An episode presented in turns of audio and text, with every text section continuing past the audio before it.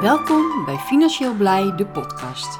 Mijn naam is Helga Tijdeman en in deze podcast gaan we het hebben over jou en mijn financiële situatie. En vooral de vraag of je blij bent met deze situatie.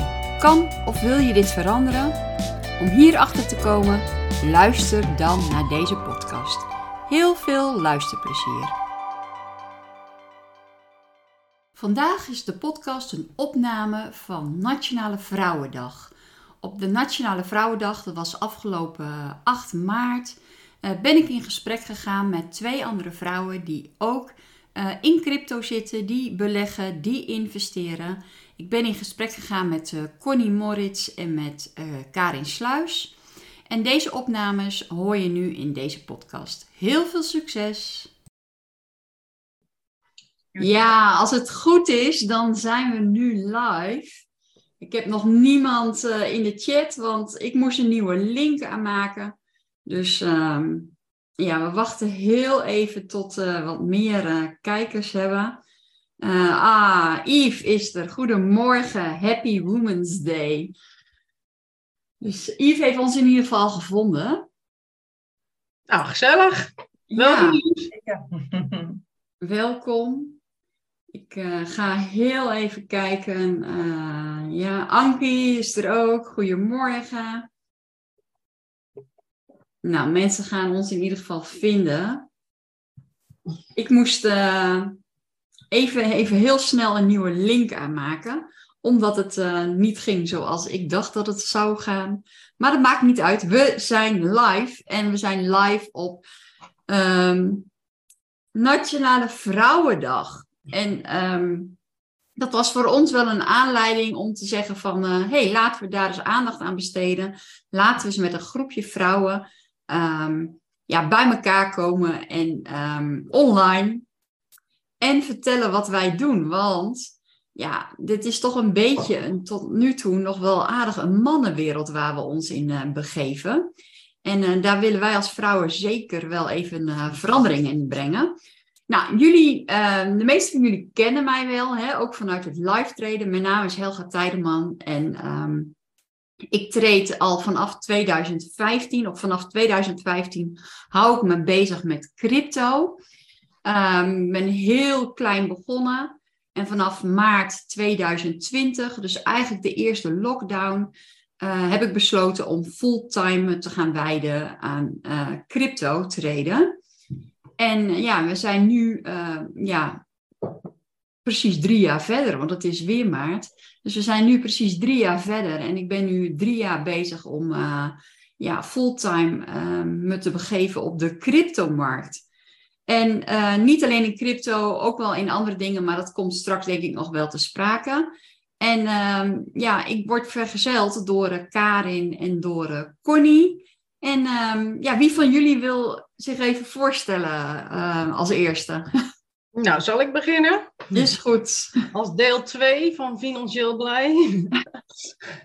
uh, nou, mijn naam is Karin Sluis. Ik uh, ben, nou ja, in 2017 heb ik als eerste wat te horen gekregen over, over crypto. ik heb daar voor de rest weinig mee gedaan. Uh, in 2019 ben ik, uh, ben ik mij gaan verdiepen in, uh, in de crypto. Of, ja, ben ik er, heb ik er steeds meer aandacht aan besteed. Dus ik ben dingen gaan lezen, filmpjes kijken. En nou ja, zo heb ik ja, steeds meer erover me, erin verdiept. En in 2020 heb ik de stoute schoenen aangetrokken en ben ik uh, cursussen gaan volgen.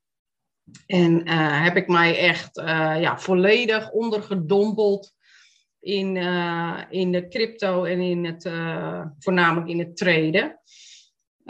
dus ja, ik ben vanaf 2020 ja, fulltime bezig met crypto. Oké. Nou, en Connie, voordat jij gaat, van, uh, heb, je, ik zal even, heb je nog een vraag voor ons?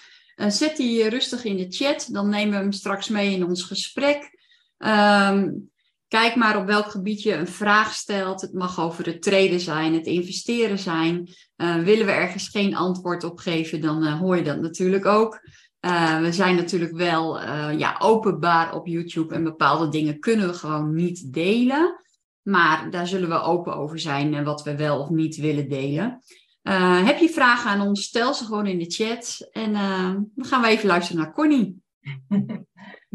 Nou, mijn naam is Connie Moritz. Ik ben voor het eerst in aanraking gekomen met crypto was eind 2020. Dat ik sowieso hoorde over bitcoin en dat het woordje wel eens voorbij kwam. ik heb er toen nog weinig mee gedaan. Ik heb, dat ik echt actief met crypto aan de slag ging, was eigenlijk dan begin 2021. En ik had eigenlijk al vrij snel door dat het iets was, een materie die me heel erg interesseerde. En ja, waar ik op een of andere manier heel erg gepassioneerd van raakte, zeg maar. En dat het gewoon, mijn interesse was gewoon heel groot. Dus ik heb me daar ook, uh, ben me daarin gaan verdiepen. En vrij snel kwam ik ook achter dat voor alle treden echt iets is ja, wat ik gewoon met zoveel plezier en passie doe dat ik al vrij snel ook door had van, hey, dit wil ik uh, fulltime gaan doen. Ik wil je alles over weten. Dus ik heb ook uh, ben cursussen gaan volgen.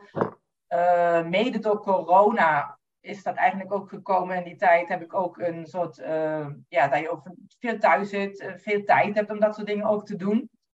En ik heb dan ook het jaarprogramma van Maaike Pelagic gevolgd. En daar kwam je dus ook achter dat je dus meer, ja, je kwam steeds meer tot besef dat je iets wil doen wat je echt leuk vindt. Wat je vanuit passie doet. En dat je, ik had besloten, ik wil uit die red race waar we eigenlijk met z'n allen in zitten. Hè, van elke dag naar je baas gaan, werken, slapen, uh, opstaan, weer werken, weer slapen. En alleen maar dat doen. En het is nu niet anders. Ik, bij mij is het ook, hè. Uh, opstaan, crypto, uh, je gaat naar bed en je staat ermee op. Maar ik doe wel nu wat ik leuk vind en vanuit passie. En uh, dus ik heb vrij snel, dit, uh, vrij snel besloten om mijn baan ook op te zeggen. Tegelijkertijd was ik toen ook nog met iets anders bezig het ja, niks, wat niet echt tot stand is gekomen, maar daardoor wel, zijn er wel deuren open gegaan, zeg maar, waardoor ik nu doe wat ik echt heel erg leuk vind. En ja, ik kreeg uiteindelijk uh, ben ik moderator geworden bij Financieel Blij. Uh, en spelletje eigenlijk aan het rollen gegaan. Ik ben nu content creator, ook web en samenwerking. Dus ja, dat is het. Zo'n beetje. Ja, leuk. ik ben heel blij met de keuze die ik heb gemaakt. Zeg maar, om, uh, die, ja, om in het diepe te springen eigenlijk. Om te zeggen van, nou weet je, ik ga mijn baan opzeggen om dit avontuur aan te gaan. Met natuurlijk wel een buffer achter de hand om die tijd uh, die je moet leren door te komen. Want het is natuurlijk, hè, je moet wel leren en het kost ook even tijd. Alleen, ja, ik vond, ja, ik vond voor mezelf die keuze niet moeilijk. Zeg maar. Ik denk, ik ga springen, want ik vind, dit is iets wat ik echt leuk vind. Ja. Ja. Hoe re reageerde voor jou je omgeving erop toen je zei van uh, ik zou wel graag uh, fulltime willen gaan trainen? Um, eigenlijk weinig. Je krijgt eigenlijk zo goed als geen reactie. Het is van, ah oké, en dan wordt eigenlijk een beetje weggekeken en uh, er wordt eigenlijk zo min mogelijk over gesproken vaak. Je merkt wel dat uh, er weinig interesse in wordt getoond. In die zin omdat men het denk ik ook een beetje eng vindt of er te weinig van af weet om uh, ja, ja, vragen over te stellen. Je merkt wel dat, het wel, ja, dat mensen het wel een beetje ontwijken, van mijn gevoel. Ja omgeving. Ja, dat er weinig over gesproken wordt. ik spreek er weinig over in mijn directe omgeving. En uh, ja. Ja, het is meer als er uh, op dat moment iets in het uh, nieuws aan de hand is over crypto of over bitcoin. Dat mensen dan al snel een reactie naar je toe geven. Maar meestal van, ja, je bent er wel mooi klaar mee. Hè? Of het is nu zeker over. Hè? Of dat je, met je bitcoins, hè? Ja, hoe staat het met je bitcoins? Uh, op dat ja, je, krijgt, je krijgt eerder uh, de negatieve reacties uh, dan, dan de positieve reacties, ja. ja dat valt ja, mij ook op, dat, ja. dat, dat is wel... dat, dat merk ik wel heel erg. Maar ja, goed, weet je, dat, ik sta daarboven. Ik heb zoiets van... ik, weet, ik weet waarom ik het doe en ja, ik, en daar, daar hou ik me gewoon uh, aan vast en daar hou ik me mee bezig. Merk je ook het verschil uh, tussen mannen en vrouwen die daarop reageren? Um, nou, ik moet je heel eerlijk bekennen, in mijn directe omgeving uh, eigenlijk niet, want ik, uh, uh, ja, een goede vriendin van me, die zit dan niet in crypto, maar wel in beleggingen. Dus die, ja, die snapt het. Hè? Die, die, dus ja, daar kan ik ook gewoon lekker ermee over kletsen.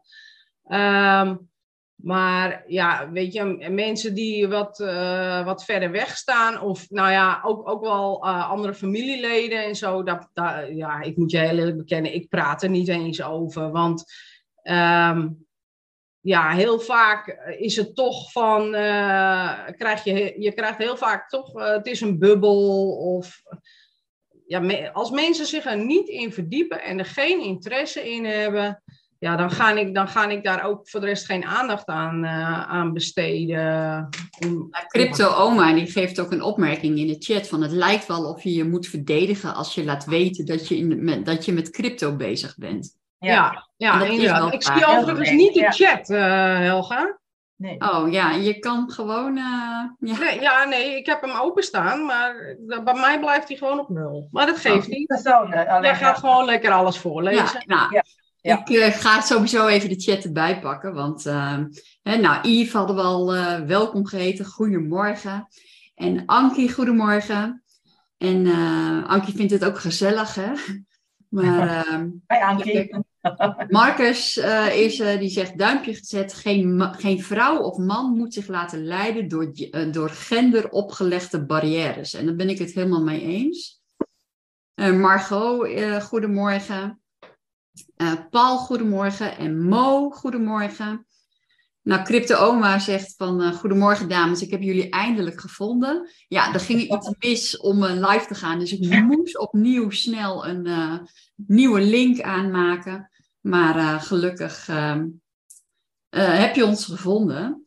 En Ankie stelt een vraag van mag ik jullie visie over treden tijdens het nieuws? Is hier rekening mee te houden qua emotie of gewoon slim? Of uh, laat je je leiden door het nieuws? Laat ik het zomaar even samenvatten. Uh, nou, al heel eerlijk, als ik ehm, aan het daytraden ben met de stopmethode, eh, nou, laat ik me nagenoeg niet leiden. Nee, dan ben ik absoluut niet bezig met ehm, wat er in het nieuws is. Nee. Ik, ik kijk gewoon naar ja, de markt op dat moment. Ik, uh, en, en, is, ja, is iets instapwaardig, dan stap ik gewoon in. En ik ga dan niet terugkijken of nadenken van, oh maar hè, om half, uur, half vier gebeurt dit of gebeurt dat. Nee, daar ben ik, nee, met de stopmethode zeker niet. En voor jou, Connie? Um, nou, ik laat me niet leiden door het nieuws.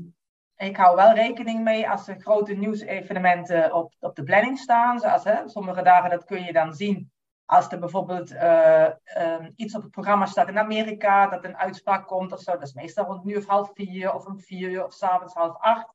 Dat ik wel, ik probeer niet tijdens nieuwsevenementen aan het treden te zijn, omdat dan vaak ja, veel volatiliteit wordt verwacht. En zeker met die daytrade methode op de stopmethode, ja, dan, ja, dat werkt bij mij dan niet. Als er echt candles ja, heel erg omhoog en omlaag, ja, die prijs kan gewoon heel erg fluctueren van de bitcoin. En die trekt dus alle altcoins dan met zich mee heel kort. Dus ik probeer altijd wel voor die evenementen uit trades te zijn. Soms heb ik het ook voor het over het hoofd gezien, dan zit ik gewoon in een trade, dan had ik niet eens door dat een evenement was. Maar ik probeer het wel uh, zoveel mogelijk in de gaten te houden. Maar ik laat me er niet door leiden. Ik ga ook niet op nieuws of uh, bijvoorbeeld ik laat me niet beïnvloeden door nieuws. Want zelf heb ik gewoon heel erg, uh, voor mijn, ik weet niet of dat het waar is, voor mijn eigen weet, ik gewoon, mijn regel is van nieuws wordt gebruikt vaak om dat de prijs te laten doen wat die eigenlijk al moet gaan doen. En het nieuwsevenement is dan het correcte moment om dat te laten doen, zodat het niet uh, opvalt, zomaar uit niets komt, een prijsbeweging. Dat zo, zo kijk ik er tegenaan. Of dat het echt waar is, weet ik niet. Maar zo, dat is wat, wat ik heb geleerd en ook wat, zoals ik tegen nieuws aankijk. Want vaak ook maak je bijvoorbeeld, je, als, als je voor, uh, als je aan het swingtreden bent en je maakt bijvoorbeeld een analyse, dan weet je al, ik ga nu deze trade zetten, want ik verwacht dit en dit en dit. En heel toevallig gebeurt het dan net op het moment dat het nieuws uitkomt, dat precies dat gebeurt wat je eigenlijk al voor het nieuws zelf aan het plannen was. Dus zo kijk ik tegen nieuws aan. Ja, Ja, ik laat mezelf ook niet leiden door het nieuws. Net wat uh, Connie ook zegt van ehm, als er grote evenementen zijn waar nieuws naar buiten wordt gebracht, dan probeer ik wel op dat moment even niet te treden. En, uh, maar voor de rest, als ik kijk naar bijvoorbeeld altcoins en ik hoor ergens of ik lees ergens dat bijvoorbeeld, ik noem maar wat, er iets met Cordana is of uh, wat dan ook, dan ga ik niet extra inkopen of juist verkopen. Nee, dat doe ik niet. Daar laat ik me absoluut niet door leiden. Uh, sowieso met het kopen en verkopen van altcoins. Um, ja, in mijn hoddelportfolio, dat, daar zitten ook alleen maar munten waar ik ook echt een fundamentele analyse op heb gedaan. En die munten die zitten daar ook in voor uh, minimaal uh, vijf jaar, zeg maar. En ja, als er vandaag dan toevallig iets gebeurt bij die munt, ja, ja dat is voor mij niet een reden om dan extra te kopen of misschien te verkopen. Dat, uh, nee, dat, daar laat ik me dus niet door leiden. Nee. En, ik weet natuurlijk, hè, jullie zijn uh, traders, jullie gebruiken vooral met name ook de stopmethode, SBM-methode.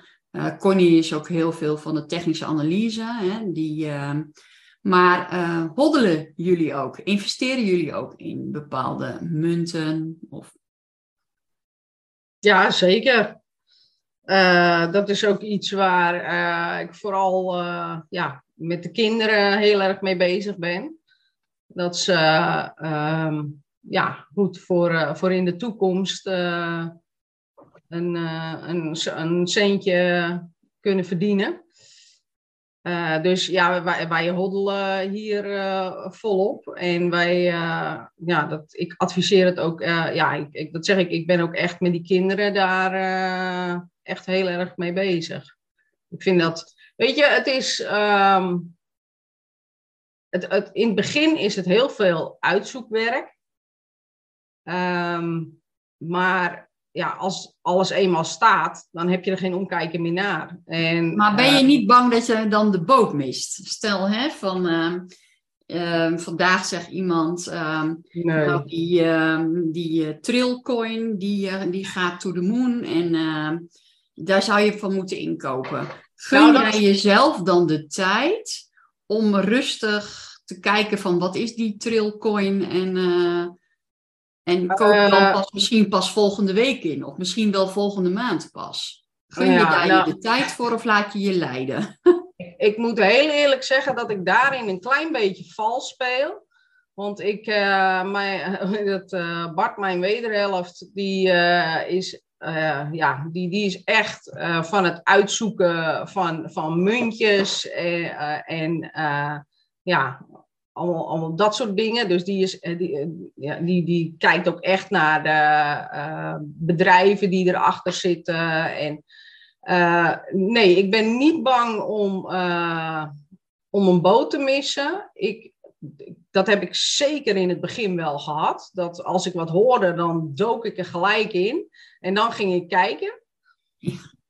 en, dan, en dan tegen die tijd dat ik bedacht van, hm, dit was misschien toch niet zo handig, dan was het al te laat. Dus uh, ja, weet je, ik, ik denk dat heel veel mensen dat, uh, dat hebben. En um, soms, uh, soms ben nee, ja, ik, ben, ik, ik, ik probeer me daar nu echt voor af te sluiten. Als ik, weet je, het is nu vaak zo als je wat hoort uh, als je iets hoort bij de kapper of weet ik veel, dan ben je, nou ik, ik wil niet zeggen dan ben je al te laat, maar dan, uh, dan is de, de, de eerste hype al geweest. Ja. Um, en dat, dat zeg ik, ik heb hier iemand op de achtergrond lopen die, uh, ja, die daar wel heel erg, of die, die zich heel erg verdiept in nieuwe muntjes en in nieuwe bedrijven. en als die dan de cryptomarkt op gaat, gaan, dan, um, ja, dan meldt hij dat altijd aan me en dan gaan we daar samen uh, naar kijken. En uh, dan, dan gaan we daar ook uh, ja, wat op inzetten. Ja. Nou, maar dat zeg ik, ik ben daarin. Um, nou, zeker bevoorrecht. Bevoorrecht, ja. bevoorrecht. ja, absoluut. absoluut. En vooral uh, als je een partner hebt die uh, die interesse heeft. En, uh, want ja. menigeen heeft dat natuurlijk niet. Ja, hè? Ik weet van Connie, jouw partner staat wel achter jou, maar heeft ja, niet de kennis of de interesse in crypto. Dat is vooral helemaal niet, nee. Nee, nee, nee. Klopt. Hij staat volledig achter mij in wat ik doe. En ik vind het super leuk om, ja, dat ik dit doe en dat ik zoveel passie daarvoor heb. Uh, want toevallig heb ik ook net, ik heb zo'n kalendertje waar ik elke dag een positieve feit omdraai. En vandaag was weer, er staat er passie plus volharding is een kans. En dan denk ik, ja, dat is weer wat je voelt. Weet je, van je moet ergens passie hebben en vooral volharding om het uh, door te zetten. Ja. Maar uh, ja, ik zelf um, houd alleen maar de twee, de grotere, zeg maar de blue chips van de crypto eigenlijk. En ik heb een één, ja, één of twee nog die ik hodel puur van uh, dat ik achter die, die, dat bedrijf sta. Dat ik of een visie gewoon fijn vind wat ze willen bereiken. En verder hodel ik nog geen altcoin. Zeg maar. Ik investeer echt alleen maar in de twee, ja, de blue chips van de crypto en een in enkele altcoin puur omdat ik daar achter sta. Maar verder heb ik gewoon de tijd en het interesse nog niet om dit te doen, omdat ik het veel leuker vind om met technische analyse bezig te zijn en om uh, uh, andere mensen verder te helpen en uh, te leren zelf nog. En mijn interesse ligt niet zo bij fundamentele analyse om te investeren. Uh, ik heb, ben wel van plan om dat ooit nog op te pakken. Misschien in de volgende bear market. Maar op dit moment heb ik daar gewoon de tijd. Uh, de interesse ligt daar gewoon niet. Zeg maar. Nee. nee, in altcoins te investeren. maar ik ben het zeker van plan. Want ja, om het ooit wel wat projectjes op te pakken. Maar op dit moment ligt mijn ja, interesse meer bij ja, op het hodelen van de twee uh, grotere munten, zeg maar. Ja, inderdaad. En um, ja, we hebben het nu dan over uh, crypto, hè? dan heb je over crypto traden en uh, crypto beleggen. Maar zijn er ook andere vormen van beleggen of investeringen waar jullie je mee bezighouden? Zeker. Um, nou ja, um, ja, wij zitten, wij zitten nog in wat uh, collectieven. Maar ja, dat, is uh, eigenlijk ook in de crypto. Maar het is wel in een andere vorm natuurlijk. Ja, wel een andere vorm. Ja, maar uh, uh, ja, voor, voor, de rest niet. We hebben wel ehm, een, een, idee om in de toekomst daar wat mee te gaan doen. En dan meer in de stenen. Maar ja, op dit moment uh, heb ik me volledig uh, ge gericht op de crypto en ben ik daar buitenom niet volop aan het beleggen. We hebben wel een bele belegpotje, maar dat, ja, dat, dat mag geen naam hebben. Ja, voor mezelf, uh, ik, naast het uh, traden in uh, crypto, doe ik ook nog op de aandelenbeurs ben ik actief aan het traden. voor de rest beleg ik ook nog in ETF's. En ja, ETF's, dat zijn eigenlijk een soort verzamelmandje van een heleboel aandelen bij elkaar. En um, ja, daar um, ja, besteed ik ook gewoon een x bedrag per maand aan om daar wat in te besteden, aan te besteden. Ja, je zegt wel van uh, dat mag nog geen naam hebben, maar uh, dat vind ik bij mij ook niet, maar toch is het er. En uh, ik beleg in goud. Dus uh, dat zijn voor mij wat extra dingen ernaast. En voor de rest investeer ik ook nog in nieuwe projecten via crowdfunding. Dus mensen die een uh, nieuw bedrijf willen starten of um, uitbreiding willen doen in hun bedrijf en daar een financiering voor nodig hebben. Um, daar doe ik ook uh, nou, soms wel eens aan mee. Dus dat is voor mij nog uh, wat ik extra heb boven crypto. Ja, nou, moet dat is dan ook weer inderdaad een tak die, uh, die Bart bij mij, bij ons thuis ook doet. Ik zelf niet, maar hij is inderdaad met die crowdfunding, daar is hij ook wel mee bezig. Het is natuurlijk wel risicovol, want ja, uh, iemand die een nieuw bedrijf start, je weet niet hoe het gaat en uh, wat dan ook. Maar ja, ik vind het ook wel leuk om dan zo'n bedrijf ook verder te volgen. Van hey, hoe gaat de ontwikkeling in zo'n bedrijf? En En ik heb toch altijd een, het idee van, oh, een, klein aandeel van dat bedrijf. Kijk, mijn bedragen zijn niet echt heel groot die ik kan bijdragen. Maar toch, als iedereen uh, zo'n bedrag bijdraagt, kan iemand anders wel weer zijn passie volgen, zijn droom volgen. En dus uh, ja. En Connie, heb jij nog extra dingen naast het traden, naast de crypto? Ja, de grootste interesse ligt natuurlijk bij crypto. Dat is de hoofd, uh, het hoofdmandje, zeg maar. Hè? Want wat jij ook wel eens vertelt tijdens het uh, live dat je moet, meerdere mandjes moet hebben. Ja. Dat probeer ik dan langzaam nu op te bouwen. Ik heb uh, wel altijd wel een eigen huis, hebben wij altijd wel gehad. Dus je hebt eigenlijk een stukje investering in vastgoed, zeg maar dan. Als je dat als investering mag zien, op die manier. en, maar in ieder geval dat dat een stukje zekerheid is hè, in stenen. En ja, crypto als hoofdmandje. Ik beleg ook in edelmetalen inderdaad, maandelijks een bepaald bedrag. En mijn doel is om op den duur ook nog een ETF's, dus een aandelenpotje op te bouwen. Maar ik wil me nu eerst even volledig uh, richten op crypto, om dat goed onder de knie te krijgen. En daar als uh, content creator ook in wat te groeien, zeg maar. Voordat ik weer tijd neem om echt me, ik wil me ook goed verdiepen dan in uh, aandelen en in wat voor bedrijven ik dan in zou willen investeren. Ja. Het zegt me heel goed dat het nu een hele goede tijd is, dat wel. Maar ja, je kan niet alles tegelijk, zeg maar. En, ja, maar het, is wel, het staat wel op mijn uh, bucketlist om op den duur dan ook uh, daar een stukje mee te doen. Ja. ja, beter je eerst richten op één ding en dat goed onder de knie krijgen. En daar ook winstgevend in te zijn. En dan uh, pas een volgende onderdeel erbij. Ja. Ik pak nog heel even de chat erbij. Um, even kijken, waar was ik gebleven? Margot die geeft ook nog aan mensen in de omgeving wuiven het af omdat ik denk dat ze er zelf niet veel van weten of willen weten. Ik zelf vind het lastig om, om er met mensen over te praten, alsof je niet serieus genomen wordt. Ja. En uh, dat herken ik ook wel, want ik heb dat zelfs van heel dichtbij, dat, nou ja, zelfs mijn ouders, of vooral mijn moeder, toch nog wel eens aan mij vraagt van, zou je eens niet een gewone baan willen nemen? En dan denk ik, mam, kom op. En wat is een gewone baan?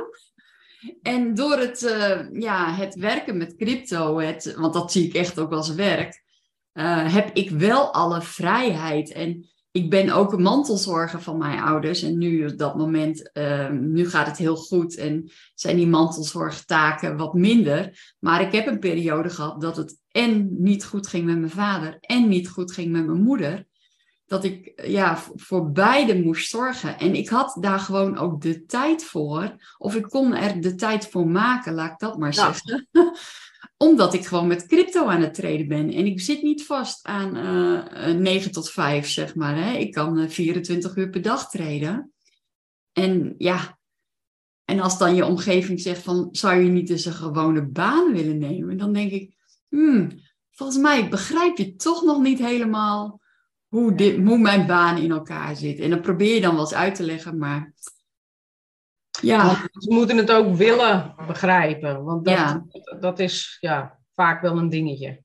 Ja. Nou ja. het is natuurlijk ook een hele andere generatie. Als ik kijk naar mijn vader, die heeft gewoon 48 jaar bij dezelfde werkgever gewerkt. En ja, hij is nu gepensioneerd en zit echt met het minimale pensioentje zit hij thuis. En nou ja, hij zit niet thuis, hij is best nog wel vrij actief. Maar, maar dan denk ik, daar heb je je dan 48 jaar bij trouwe dienst bewezen aan één en dezelfde werkgever. Ja, dan denk ik van, ja, ja, dat, is, dat zou niet mijn... Is uh, ik wil niet dat dat mijn toekomst is. Nee, nee, nee helemaal mee eens. Ik... Uh... Ik heb het uh, in die zin ook het liefst allemaal gewoon zelf, zelf in de hand. En uh, ja, weet je, het, is. Uh, ik, ik, ben, ik ben dan uh, ook mantelzorger uh, bij mijn oude, of bij mijn moeder.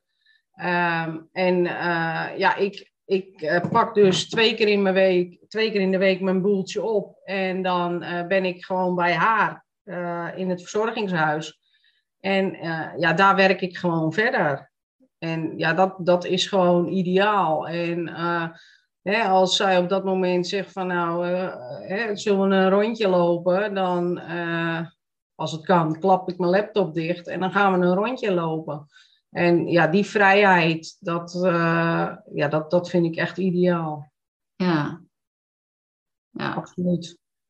Ja, nou, Crypto Oma zegt ook altijd, of zegt ook van, uh, ja, weet je, als crypto in het nieuws komt, dan is het eigenlijk altijd wel negatief. Ja. Dus ja, dus dat, uh, ja, inderdaad. Ja, en als het, als het positief in het nieuws komt, hè, dan, ja, dan, dan duiken heel veel mensen er weer in.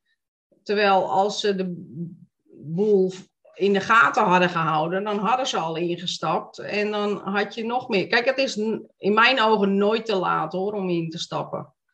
Maar uh, ja, als je er uh, meer bovenop zit, kan je er ook meer uithalen. Ja. Ja, want als het positief in het nieuws is, hè, dus dat, net als in de tijd dat uh, Bitcoin 65k was, Hoeveel mensen zijn er toen wel niet ingestapt? Ja, en ja, hebben... dat, uh, iedereen zei bitcoin gaat naar een ton en dat geloof ik nog steeds. Ja. Maar uh, inmiddels heeft hij wel de 20k aangetikt. Wat? Hij heeft ja. de 15k aangetikt. Ja, daar hebben heel veel mensen pijn in hun buik nu. Ja, ja absoluut. Maar ook wat ik dan vind, als je mensen over crypto praten, hè, dan is het van, uh, het is een bubbel, het is, het is niet tastbaar. En dan, dat zijn allemaal uitspraken, ook van mensen die zich eigenlijk nooit hebben verdiept en überhaupt dus uh, achter die uh, technologie hebben gekeken. Want heel veel mensen weten niet eens waarom is überhaupt Bitcoin ontstaan. Hè? Waarom heeft Satoshi Nakamoto hè, dat gedaan? Waarom is dat ontstaan? Dat heeft een, dat heeft een reden. Hè? Ja. Dus dat het, uh, het geldsysteem ja, niet deugt, zoals ze dat dan noemen, of stuk is. En daar moest een oplossing voor komen. En dat is eigenlijk uh, waardoor crypto of bitcoin eigenlijk in het leven is geroepen. En mensen weten eigenlijk niet dat daar een hele technologie achter schuilt. En die technologie zit nog in de kinderschoenen. Hè? Dat Ja, is nog ja. heel nieuw. Die moet nog uitgedokterd worden en die moet nog helemaal uh, verfijnd worden. Maar diezelfde technologie was ooit met internet ook. En toen dachten mensen ook van het internet, dat gaan wij niet gebruiken. En online shoppen of iets een betaling online doen, oh mijn god, nee. Terwijl je nu al bijvoorbeeld, ik heb een Visa-kaart waar ik mee met mijn bitcoin of met mijn andere crypto kan betalen. In, elke, of in heel veel supermarkten, je kan ermee tanken, je kan er overal betalen. En Visa ondersteunt. Dus zo'n bubbel is het toch niet, denk ik dan. Als Je, je kan zelfs met je Binance-kaart naar een geldautomaat Ja. lopen en daar volgen uit. Ja, precies. Ja, Dus het is een technologie die mensen niet snappen, niet willen snappen, omdat het nieuw is. En alles Nee. wat nieuw is, eng. Hè? Mensen willen houden zoals het is. Ze moet, mensen zouden ook kunnen beseffen van dat het wel een technologie is die eraan zit te komen. En hoe eerder je ermee om kan gaan. Ik ben liever straks een moderne oma, hè, tegen de tijd dat het zover is. Als dat ik niet met de tijd mee kan en dan van, hè, die, de- als je nog die videoclip hebt van ik ga met je rechtermuis naar de bovenhoek. En dat je dan ziet hè, dat de muis naar de hoek van de bovenhoek wordt ge- ge- hè, gezet. Ja, Ik ga liever Zo. met de tijd mee. En ik moet zeggen, ik ben, niet, ik ben een, geen voorstander van digitalisatie. Want Nederland loopt echt voorop op wat betreft digitalisatie. En dat alles via het scherm moet. En onze tijd nu wordt ook al schermtijd genoemd. Hè. Over 100 jaar staat in de geschiedenisboeken. Dit, dit eh, decennia wordt schermtijd genoemd. Ben ik geen voorstander van. Voor mij hoeft het niet. Maar het is de realiteit. En ik ga liever mee met mijn tijd. En het is nu eenmaal niet anders. Ik kan het niet veranderen. En dan maak ik liever gebruik van de kansen die nu op mijn pad komen, zeg maar. Ja. ja. Ja, helemaal mee eens. Ja, zo heb ik dus ehm, toen, ik, eh, toen ik die eh eh, cryptokaart eh, ehm, heb uh, aangeschreven, of tenminste heb me daarvoor ingeschreven. Toen heb ik eh, mijn eerste pintransactie gedaan van 20 euro en die heb ik ingelijst. Gewoon als reminder met, eh, eh, met daarbij dus hoe hoog de, eh, de bitcoin toen stond. En ja, weet je, dat gewoon ja, als, als aandenken. En dan ben ik gewoon heel benieuwd hoe dat over, over 15, 20 jaar is. Dan, en, en mensen, mensen die hier dan komen, die hebben echt zoiets van, nou, waarom heb je nou 20 euro ingelijst? Maar weet je, dat was voor mij echt een omslagpunt dat ik eh, ja, bitcoin uit de muur kon halen. ja. Dus Weet het is je, dat- zo tastbaar als geld. Het is geld Ja. eigenlijk. Hè? Maar wat- Dus, eh, Dat, dat, dat, dat was, voor mij werd dat inderdaad toen heel tastbaar. En ehm, ja, toen, toen was het gewoon nog meer de drive van dit is wat ik wil en uh, hier wil ik het mee gaan verdienen. Ik bedoel, ja, uh, ja weet je, dat, dat, toen 20 euro heb ik toen opgenomen gewoon als, uh, ja, als test. en ik had echt zoiets van, nou, ik ga hem ook niet uitgeven. Ik, ik lijst hem in en dat wordt gewoon, dat is gewoon mijn dingetje. En die staat hier altijd, altijd bij mij. En ja, ik vind dat gewoon leuk, dat, uh, dat soort dingetjes. Nou ja, toen ik in 2015 uh, begon met crypto, heb ik nooit kunnen durven denken dat ik nu met mijn uh, Visa Binance kaart naar de winkel ga en daar mijn boodschappen ga nee, doen en betaal. Ja. Dat heb ik, ja, dat kon ik toen niet bedenken. Toen dacht ik wel van, oké, okay, hier kan ik wel geld mee maken. Dus dan moet ik weer allerlei handelingen doen om dat geld weer, hè, die bitcoins weer te verkopen en om daar weer via, fiat geld voor te krijgen. Ik dacht, nou, dat is altijd wel een hele rompslomp, maar goed, hè, ik kan bij dat geld. Toen had ik niet durven dromen dat het zo makkelijk als nu gaat. Ik, uh, ik heb dat ook zelfs al wel eens aan mijn ouders laten zien, dat ik zei van, nou ja, weet je, dit is mijn, mijn Binance Visa kaart. Hier staan mijn uh, hè, dit is een contact met mijn bitcoin, zeg maar. En ik kan ja. gewoon geld mee ophalen. En ja. ik ging ook naar de automaat en ik haalde daar ook het geld uit. En daarna nam ik mijn ouders uit eten. Ik zeg, nou, smaakt lekker, hè? Dus betaald met bitcoin. dus... Ja. ja. maar weet je, dan maak je het tastbaar voor de mensen. Want het is, eh, ja, het is voor heel veel mensen is het gewoon een hele wazige wereld. En heel eerlijk, uh, toen ik in uh, 2017 uh, ja, voor het eerst daar wat over hoorde en, en las, toen heeft het mij ook niet getriggerd. In ieder geval, ja, het heeft, me wel, het heeft me wel getriggerd, maar niet zo getriggerd dat ik dacht van hier moet ik wat mee. Ja. dat, is pa, dat is pas veel later gekomen. En ja, toen het me, toen het me echt uh, volledig greep, ja, toen, toen ben ik er ook echt ingedoken. En uh, ja, sindsdien, sindsdien laat het me ook niet meer los. Ja, nee, inderdaad. Dus uh, ja, crypto-oma ik nog wel aan. Ook nog, hè? Je krijgt zelfs ook, zeg maar, als je, je kan korting daarmee krijgen. Hè? Als je bijvoorbeeld een bepaalde coin dan van die exchange ook op je, in, in je bezit hebt, hè? in een bepaalde hoeveelheid dan krijg je ja. dus korting voor elke betaling die je doet met, ja. uh, met die kaart. Dus je krijgt echt geld voor het uitgeven van geld. Ja, dus ik zal je dus... nog meer om, uh, om het daarmee te brengen. Ik ben uh, ooit begonnen met, of ik ben dan in 2019 echt begonnen met, met traden, zeg maar. Maar ik ben daarmee begonnen met, ja, gewonnen geld. Uh, Bart die was op dat moment uh, altijd met Coinbase uh, bezig. En als je op Coinbase dan vragen beantwoordde, dan kreeg je daar muntjes voor. Ja. En ehm, nou, uiteindelijk hadden we dus, had hij daarmee dus, wat, wat, wat, was het, iets van 57 euro had hij toen bij elkaar. En toen ik dus zei van, nou, ik wil het eens gaan proberen. Nou, toen zegt hij van, nou, dan zetten we dat toch gewoon over. Dus daar ben ik ooit mee begonnen. En uh, ik heb dan wel in de tussentijd uh, er ook wat bij gestort. Hè? Dat wat Helga, daar, waar Helga altijd van zegt van niet doen, gewoon uh, doorgaan. Ik heb dat wel gedaan, eigenwijs. Goeie Karen. Toen luisterde ze nog niet naar ja. mij, hè? Maar, uh, nou ja, goed blijf eigenwijs. Maar goed, uh, weet je, dat is wel waar ik mijn, uh, mijn start mee heb gemaakt. En uh, ja, weet je, dat, dat, dat maakte het voor mij gewoon ja, redelijk makkelijk om mee te beginnen. Want ja, het was geld wat ik eigenlijk nooit gezien had. En waarvan ik op dat moment eigenlijk ook niet. Ja, ik wist wel dat, dat we wat hadden staan op Coinbase. Maar ja, voor de rest heb ik mij uh, op dat moment daar niet in verdiept. Ehm, maar dat maakt het dan wel leuk. En eh, ja, goed, dat zeg ik, uh, dat soort dingen.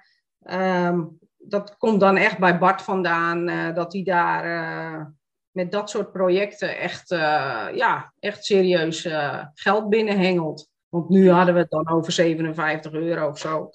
Maar ja, goed, dat loopt al met al. ook het mijnen, want dat is ook een onderdeel wat hij uh, waar die zijn interesse heeft zitten.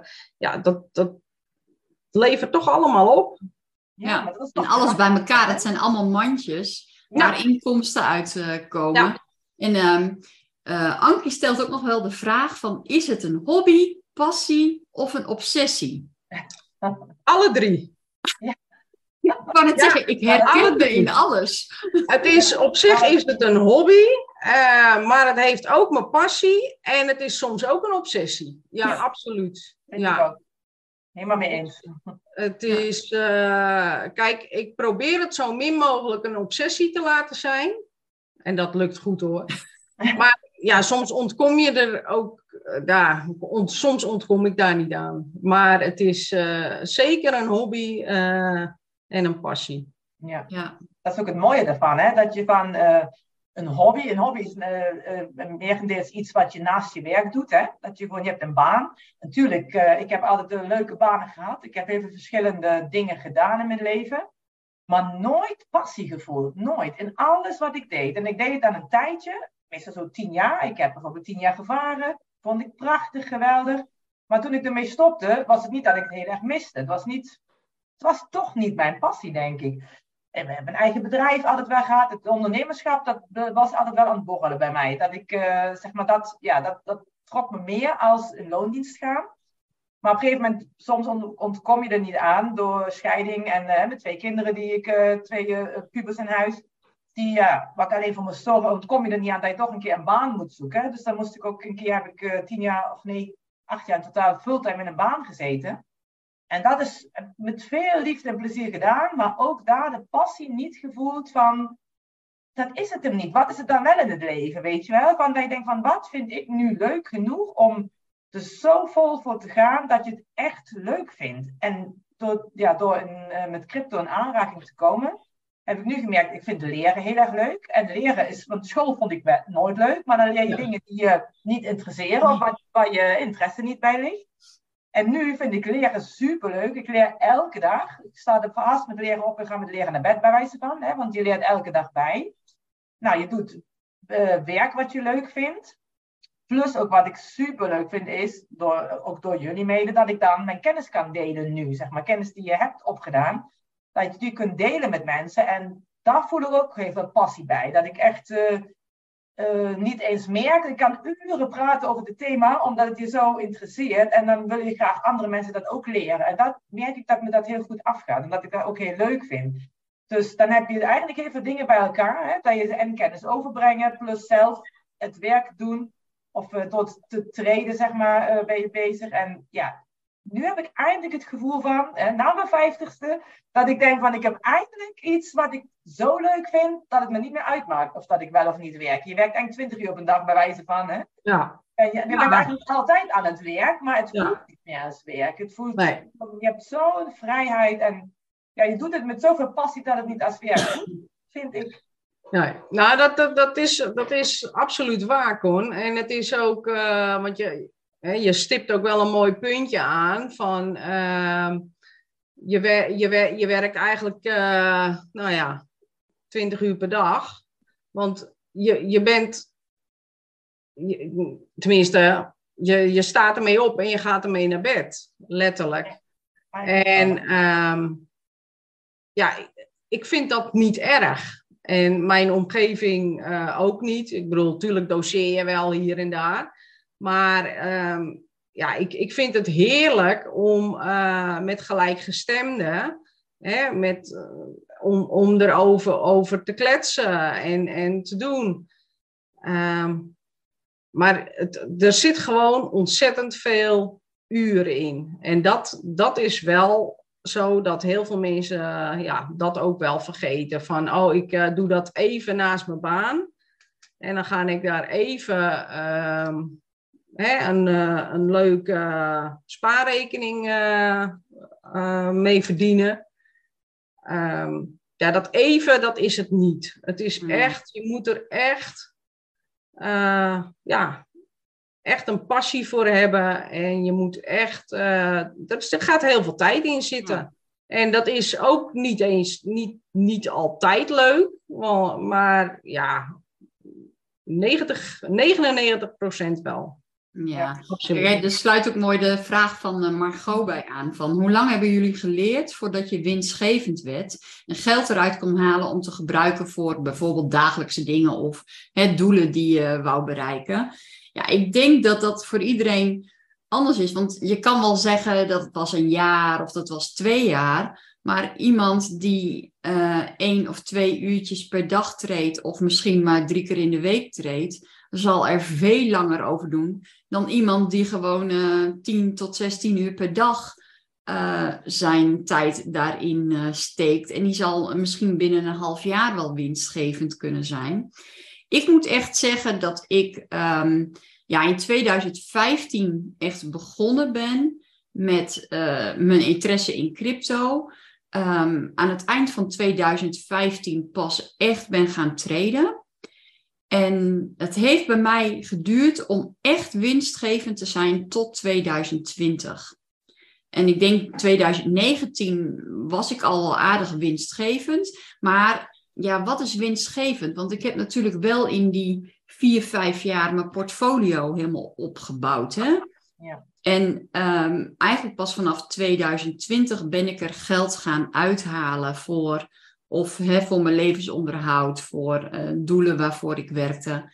En eh, daarvoor, ehm, ja, als je zegt wanneer was je winstgevend, dan was ik na mijn eerste trade. Want mijn eerste trade, die weet ik nog heel goed. Ik had 5% winst op mijn eerste trade. En ik was er zo blij mee dat ik zelfs mijn moeder opbelde van ik heb winst, ik heb winst. Hè? Ik ben aan het traden gegaan en ik heb winst. Nou, hoeveel heb je dan? En toen ging ik kijken en toen was het nog geen uh, kauwgombal bij elkaar, zeg maar. Maar dat maakt niet uit, ik had winst.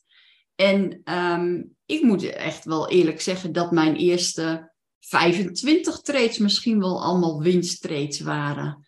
Totdat die volgende 10 trades allemaal verliestrades werden. En dat ik dacht van ja, ik kan het niet meer, het lukt me niet meer, ik geef het op. Uh, wat is dit? Het was gewoon uh, gelukstreffer, ik noem maar wat. Hè? Allemaal van die fases waar je allemaal doorheen gaat. Maar ja, je moet er doorheen. En je kan echt periodes hebben dat je ja, best wel winstgevend bent. Maar er kan ook een periode aankomen dat je echt denkt van nou, wat is dit? Het lukt me gewoon niet meer. Ja, dit zijn mijn hè, verliestreed op verliestreed. Maar ja, zolang je je verlies probeert te beperken. Kijk, we zijn aan het traden en uh, je winsten die komen binnen.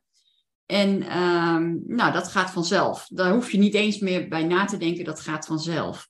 Maar je verlies beperken, dat is een taak. Dat is echt uh, je grootste taak als trader, om jouw verlies te beperken. Dus uh, ja. Dit, ja, en ik, uh, ik heb tot,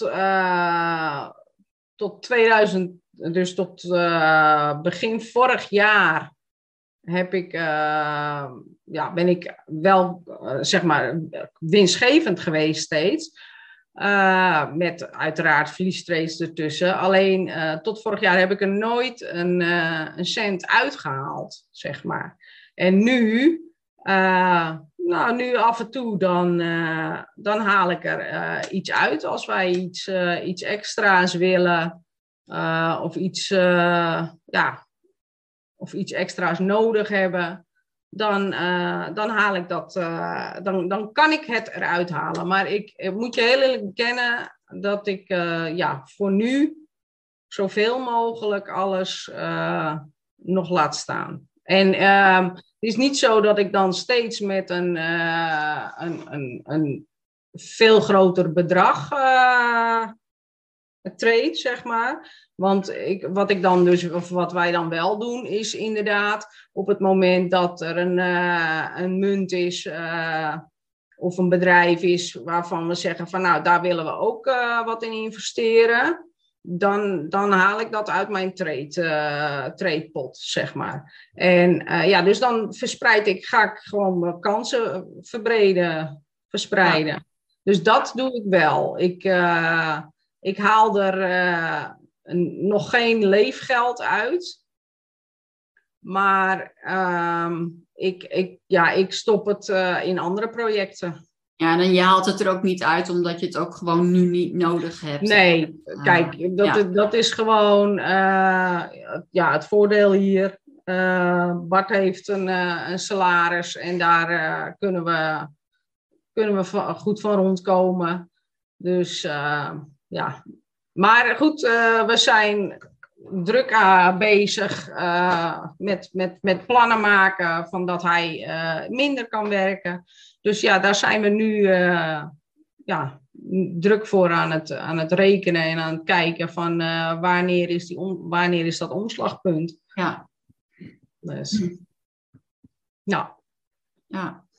Ja, en um, um, ik, ik, lees hier ook nog van een workspace, die zegt ook aan, hè, uh, geeft ook aan, een eigen bedrijf opzetten kost ook vaak uh, een jaar of drie voordat je echt winstgevend bent. Ja, en eigenlijk ben je gewoon voor jezelf bezig. Hè? Je bent ondernemend. Ja, je, je, bent, bent je eigen crypto-bedrijf aan het uh, ja. opzetten. Dus daar, daar gaat gewoon heel veel tijd in zitten. Absoluut.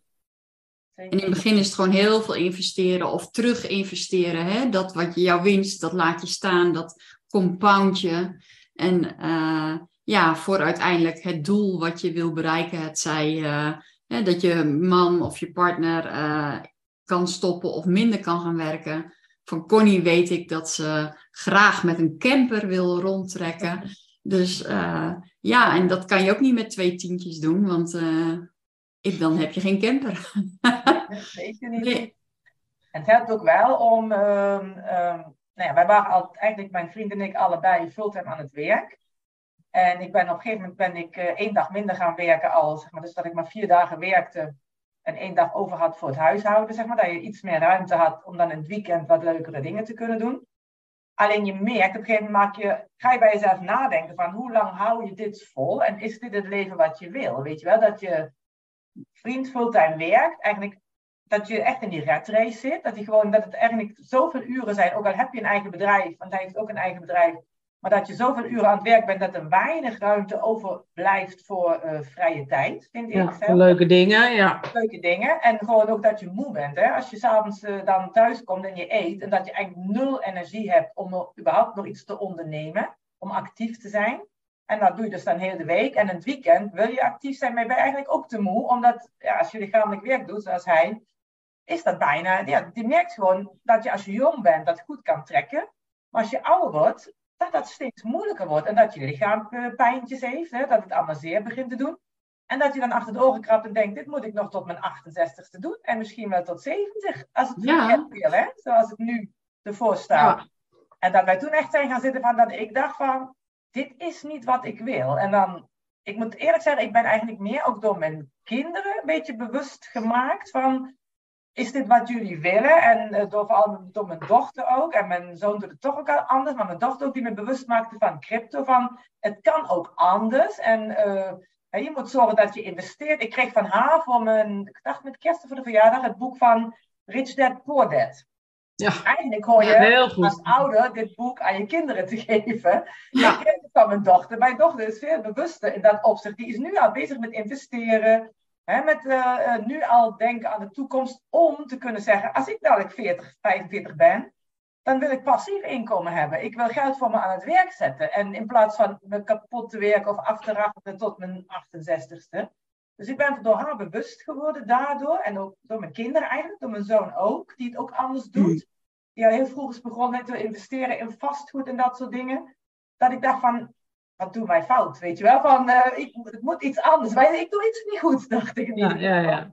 En eh, ja, dan ga je zitten en dan ga je nadenken, wat, hoe kan het dan anders? Hè? En dan denk je van je uitgavenpatroon aanpassen, kan ook al heel veel schelen. Dat je gaat kijken, wat geven we eigenlijk uit in een maand? Wat geef je uit? En wat is echt nodig wat je uitgeeft? En dan kom je echt schrikbarende bedragen tegen waarvan je denkt van, dat hoeft helemaal niet. En inmiddels waren we al zover dat ik zeg maar helemaal gestopt ben met werken, me helemaal op het treden heb gestort. En dat mijn vriend ook nog maar vier dagen werkt. En nu soms voor een project nog een keer vijf dagen, maar ook nog maar vier dagen werkt. Die ene dag minder werken is eigenlijk voldoende om bij te komen, zeg maar, om je lichaam uh, rust te geven. En dat we gewoon rond kunnen komen. Daar blijven daardoor dan geen enorme spaarbedragen over. Als je op die manier leeft met één salaris waar iemand maar vier dagen werkt. Maar we kunnen er goed van leven en er blijft genoeg over om goed te leven. En ik kan aan ons doel werken van, ik, wij willen heel graag die camper, we willen heel graag nog reizen met die camper. En we hebben daar gewoon een datum voor geprikt van, dan willen we die camper aanschaffen en rondreizen en van het treden leven. En dan dat doel ben ik dan aan het werken. En dan, ja, hij zorgt nu voor het inkomen en ik zorg over een aantal jaar voor het inkomen, zeg maar. Dat is onze deal die we hebben. En tot die tijd geven we weinig uit. Je kan echt met zo weinig leven, behalve je vaste lasten. Maar ik heb het dan over luxe dingen. Zo, wij leven in zo'n consumptiemaatschappij waarvan je denkt van, moet dat allemaal? Hè? Moet je zoveel geld uitgeven aan dingen die niet nodig zijn? En ja, dat is dan mijn situatie. Hè? Ik kan me ook voorstellen dat er situaties zijn waar mensen treden om überhaupt hun rekeningen te betalen. Die, die zijn er dan nu natuurlijk ook, zeg maar. Maar ja, in ons opzicht is dit ons doel om ja, toch nog een beetje te kunnen genieten van het leven en niet straks pas met 70 met pensioen te kunnen. Ja, ja. ja en um, ja, ik, ik eh, betaal wel uh, mijn uh, lasten en mijn levensonderhoud ook vanuit crypto. En um, ja, Crypto Oma had ook al in, wat eerder in de chat gereageerd. Jammer dat je vaste lasten niet kan betalen met je Binance-kaart en zo, want dan krijg je daar ook weer korting op. Ja, uh, ja helaas kan dat niet. Maar zoals bijvoorbeeld, ik kreeg vanochtend weer een appje uh, dat in mijn uh, overheidsbox uh, weer een, een mail stond. En er stond weer een lekker bedragje in van mijn ehm, gemeentebelastingen met mijn uh, eh, OZB en uh, waterschap en weet ik veel wat er allemaal bij in zit. Behoorlijk bedrag. En ja, ik ga eigenlijk op die manier te werk. Want uh, zoals wat jij zegt, hè, je hebt al een datum gepland. Dan wil je eigenlijk je camper aanschaffen. Ja. Dat ik dan deze factuur naast me neerleg en kijk van oké, okay, dat is het eindbedrag. Oké, okay, ik ga hem treden. Heb ik het bij, bij elkaar getraind, dan betaal ik die factuur. En, en dat helpt mij ook heel erg om ook standvastig daarin te zijn. En uh, eerder had ik gewoon een uh, aantal dagen, misschien wel weken nodig om dat geld bij elkaar te treden. En uh, ja, je budget wordt natuurlijk, je trade-budget wordt wel wat groter, dat het makkelijker is. omdat je gewoon ook wel iedere maand probeert jouw budget toch wel um, ja, verder op te bouwen. Dus jouw trade-tijd, wat jij uiteindelijk nodig hebt, wordt ook wel steeds korter. Dus dat is ook wel uh, mooi meegenomen. Ik zie nog wel dat uh, John, die zegt in de chat, en dat is een valkuil um, voor hem geweest, maar ik denk ook voor heel veel mensen en ook voor mezelf, dat is het grootste valkuil is YouTube. Zoveel zogenaamde ja. allerlei superstrategieën. Ja.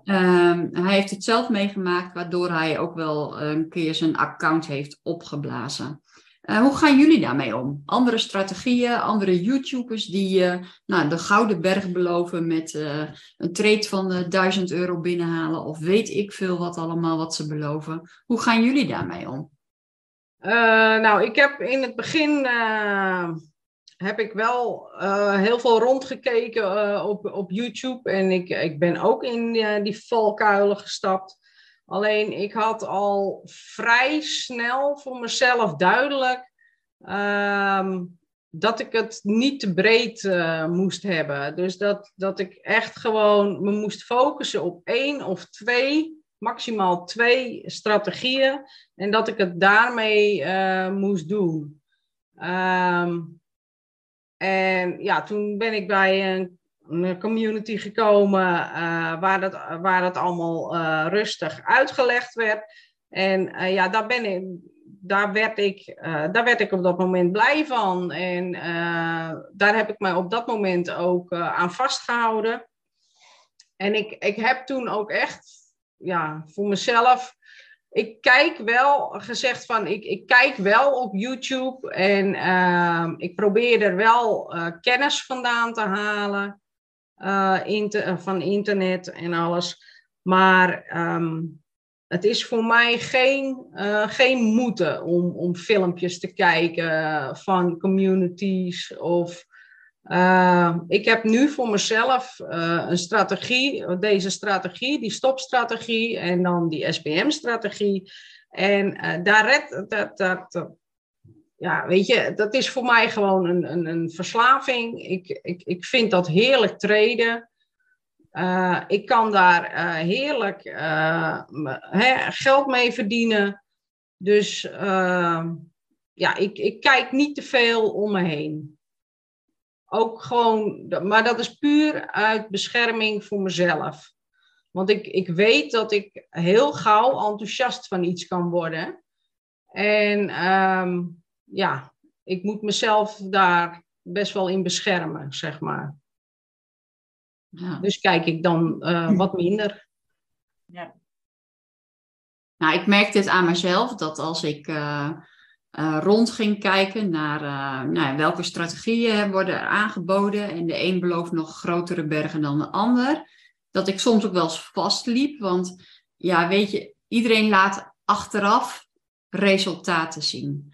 Of pak de chart erbij achteraf. Van kijk, hier had je in kunnen stappen, want kijk, daar had je zoveel winst gehad. Hier had je in kunnen stappen. En ja, dat is allemaal achteraf gezien. Hoe zie ik op het moment zelf, of ik hier kan instappen, ja of nee. En ik merk steeds dat ik daar net niet um, dan die klik mee had of zo. Dus uh, soms ik ga je op een gegeven moment dingen combineren. Nou, dat, wordt, dat wordt een puinhoop hoor. Ja, en, uh, ja, het is echt. Ja, maar op een gegeven moment ook, je gaat er wel eens in verdiepen. Je volgt ook wel eens een, een cursus of een clinic bij iemand. En dan, um, ja, nee, je wilt toch, want met deze, ik ga nu maar voor dat ene procentje per dag. Nou, met deze strategie wordt wel beloofd dat ik tussen de 5 en de 10 procent per dag kan halen. Ja, dan ben ik toch gek als ik voor die ene procent ga. Maar op de een of andere manier uh, werkte dat dan toch niet. En zo gauw ik bijvoorbeeld moe werd of dat ik dacht van ja, ik kan me even niet goed focussen of er was wat, ik was druk of dat ik altijd weer terugviel in die stopstrategie. Dat ik altijd dacht van, nou laat de rest maar even, dan moet ik of te veel over nadenken of wat dan ook. Ik pak mijn stopstrategie weer terug en elke keer kwam ik daar weer op terug. En dat was voor mij een bewijs dat deze strategie voor mij gewoon heel goed is. En dat kan voor een ander misschien niet zo zijn, maar voor mij is deze strategie wel heel goed. En daar heb ik echt de basis mee gelegd. Ik vind het wel leuk om andere strategieën ook toe te passen, maar mijn basis, die is gewoon top, al zeg ik het zelf. Die is gewoon de stopstrategie. Daar heb ik ook helemaal mijn treedplan op aangepast. En met mijn eh, basisportfolio wordt ook niet gerommeld, zeg maar. Daar wordt ook niet mee uitgetest, daar wordt ook niet mee ehm, ontdekt van, uh, zou ik al voor meer kunnen gaan of voor minder of wat dan ook. Nee, mijn, mijn basisportfolio en mijn basisstrategie, de stopmethode, aangevuld hier en daar met de SBM-methode, maar zelfs dat hou ik al apart in een andere portfolio.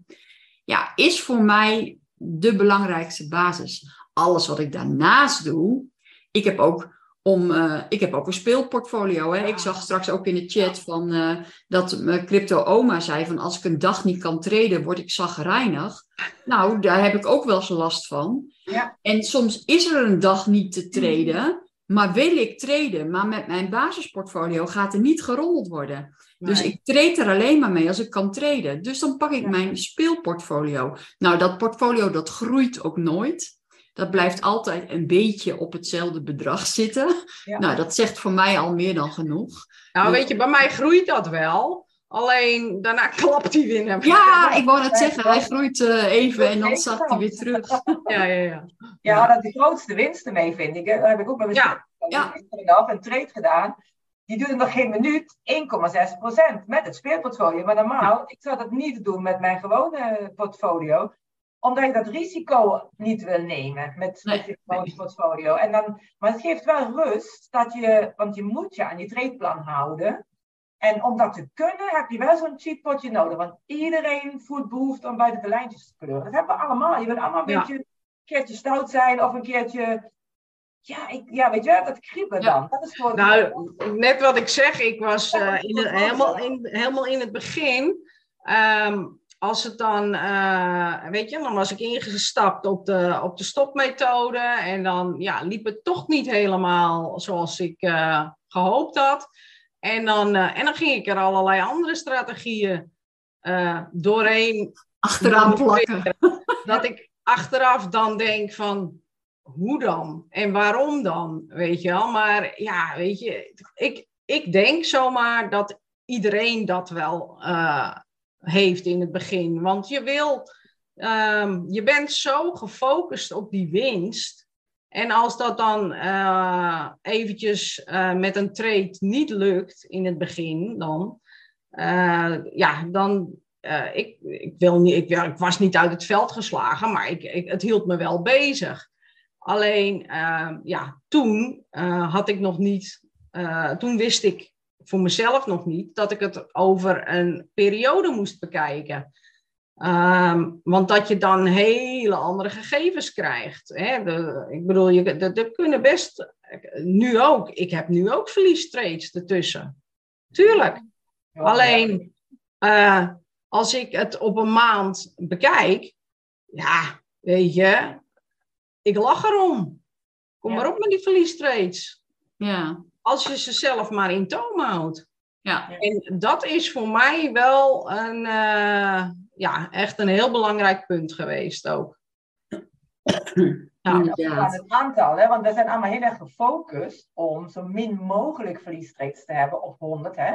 Ja. De die moet vooral hoog zijn, Terwijl ik niet meer gefocust ben, maar nee, ik ben niet meer gefocust op het aantal verliestrades. Ik ben nu gefocust op de hoogte van, het verlies, van de verliestrade. Want je kan een winrate van 99% hebben en roepen, wauw, ik, ik heb een winrate van 99. En dan zit een verliestrade van 8% tussen, 6%, 7%. Dan heb je nog een mooie winst, denk ik, op je portfolio als je dat op 100 trades stelt. Maar ik heb dan liever 10 verliestrades, dan heb ik een winrate van 90 van 0,1. Ja. Of 2, dat ik maximaal 2%. Wie is er dan beter af? Gaat het dan om die winrate of gaat het om de grootte van je verlies?